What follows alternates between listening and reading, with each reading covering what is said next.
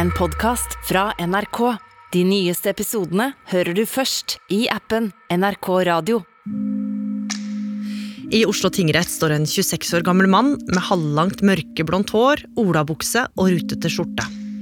Foran dommeren og en rekke unge folk som har møtt opp, tilstår mannen å ha stjålet designmøbler verdt flere hundre tusen kroner. Like etter er nettet fullt av artikler om saken. For mannen er ikke hvem som helst. Han er en av Norges største artister. Du hører på Oppdatert. Jeg heter Gry Veiby. Altså, denne saken er jo veldig spesiell. Altså, politiet gikk jo tidlig ut med overvåkingsbilder som da viser at personer tar seg inn i nedlåste, også åpne butikker, forretninger, restauranter og bærer ut eh, store ting. Da. De stjeler i åpent dagslys, egentlig. Ja, det ser jo ikke ut som tyverier. Det ser ut som det er noen som jobber der og bare bærer med seg ting ut. Og det som gjør da saken enda mer spesiell, er jo etter hvert som etterforskningen har gått, så har det jo kommet ut at en av de som har vært med på det her, er Cezinando. Og han er jo en av Norges absolutt største artister. Sverre Holm Nilsen, du er krimjournalist her i NRK, og du var til stede i Oslo tingrett mandag 16. mai, da Cezinando forklarte seg i denne tilståelsessaken. Altså en enkel rettssak der han tilsto flere tyverier og sa at han angra. Ja, og der var jeg ikke alene, fordi det er jo ikke store rettssaler, men eh, denne her rettssalen var smekkfull, det er to rader. Og der satt en god blanding av en del journalister, og resten var egentlig unge folk, da som hadde da møtt opp i, i salen i syvende etasje for å få med seg denne tilståelsessaken mot Cezinando. Ja, for eh, dette er ikke hvem som helst. Dette er jo en artist med en ganske vill karriere. Ja. Ei, det er ikke dame jeg snakker når jeg jakter platina. Trusa di droppa så hardt nær i Kina. Som ung var Cezinando, eller Christoffer Cezinando Carlsen som han egentlig heter, del av et undergrunnshiphop-miljø i Oslo og han viste seg fort å være et stort talent. Årets Urørt 2016 er, er Cezinando! Han jobba seg oppover, og det tok ikke lang tid før han fikk anerkjennelse for musikken, og spesielt tekstene han skrev. Vinneren er Cezinando.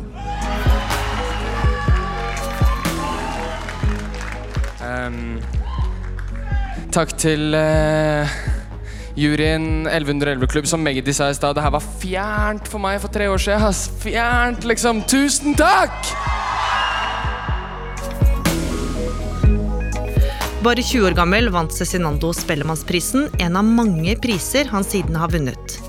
Han har spilt på hovedscenen på Øyafestivalen og til og med gitt ut en barnebok.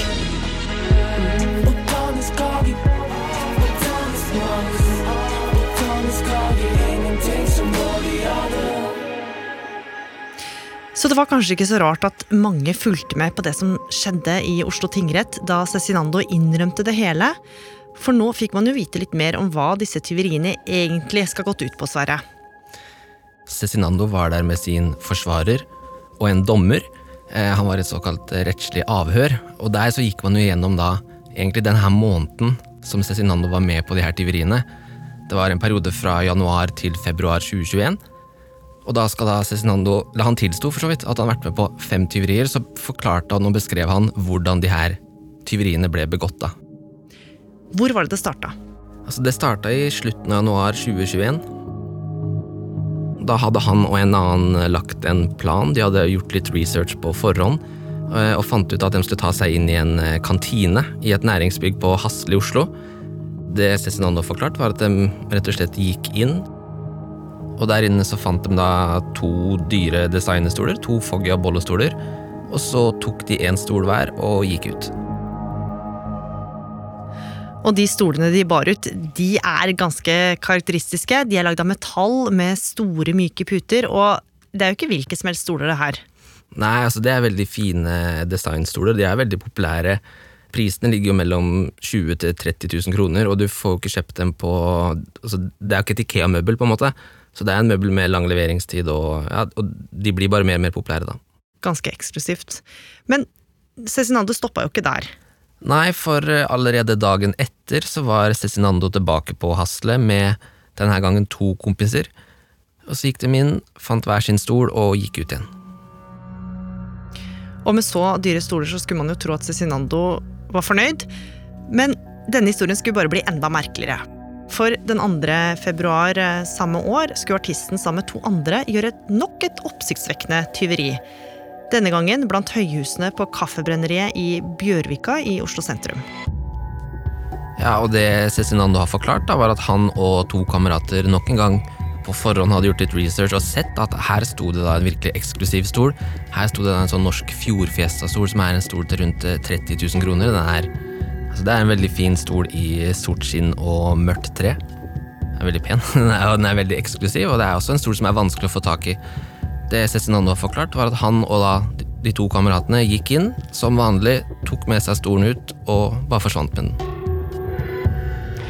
Og de neste ukene så skal disse litt spesielle designraidene bare fortsette, Sverre.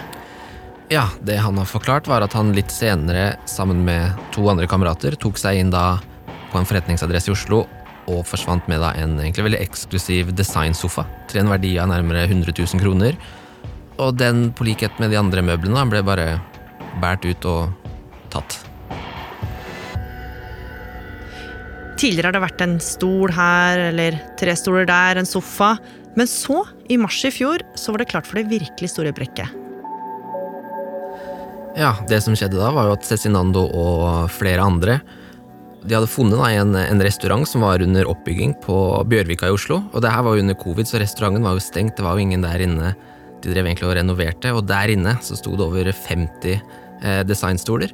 Carl Hansen-stoler, som da Cezinando og kameratene eh, gikk inn, tok med seg og forsvant med de også. Men selv om de hadde klart å få med seg alle de dyre stolene og designmøblene, så hadde det ikke akkurat gått under politiets radar. For sommeren 2021 aksjonerte politiet og pågrep flere de mente sto bak. Og en av dem var artisten Cezinando. Men det var flere brekk som ligna på de Cezinando var med på, for han skal ha vært del av en gjeng som likte å stjele fine ting. Og flere av tyveriene de andre hadde utført, hadde jo flere steder blitt fanga på overvåkningskamera.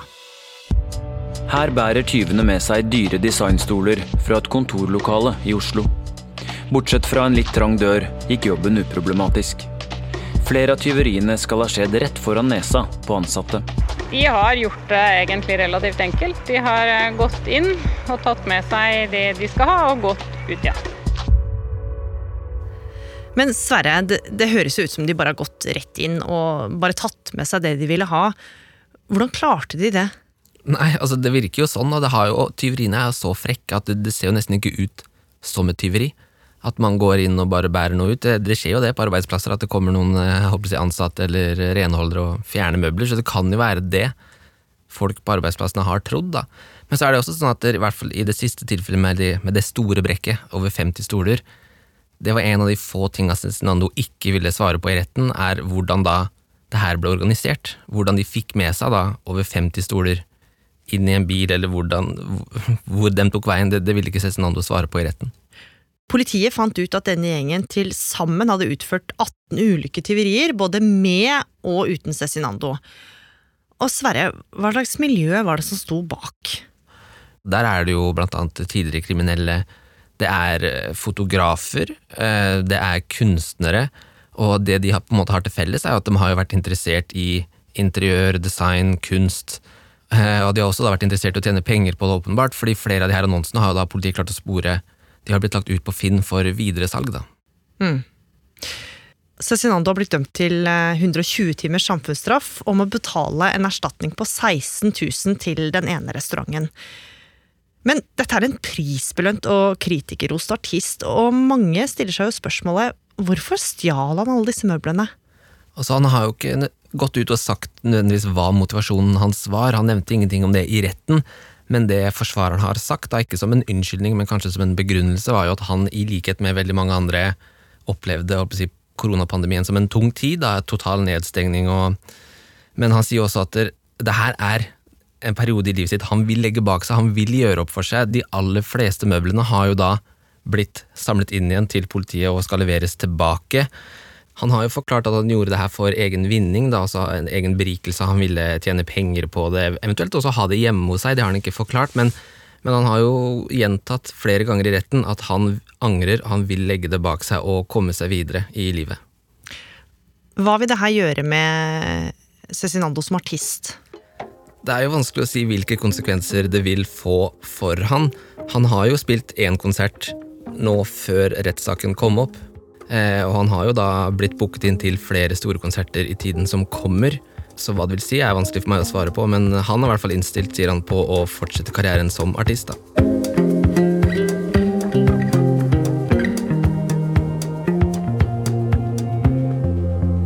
Oppdatert er en podkast fra NRK Nyheter. Og denne episoden er laga av Kaja Kirsebom. Lars Hægeland. Ina Swann. Andreas Berge. og meg, Gry Veiby. Programredaktør er meg, Knut Magnus Berge. Har du tips eller innspill, send oss gjerne en e-post på oppdatert krøllalfa nrk.no. Og du, liker du det du hører, tips gjerne en venn om oss. En podkast fra NRK. Alle utenfra tror jo at dette er noe vi har funnet på. Hei, jeg heter Kristi Hol. Over hele landet finnes det ordløste mysterier. Straks ble hun angrepet av en stor bjørn. Oss tar det med dit de oppsto, og forteller historiene. Jeg var antagelig sist, kanskje, den siste sesongen i livet. Møt dem som har kjent det på kroppen. Hun var råtten i ansiktet. Det kom bare sånn surklelyder ut av henne. Mysterier fra Norge hører du først i appen NRK Radio.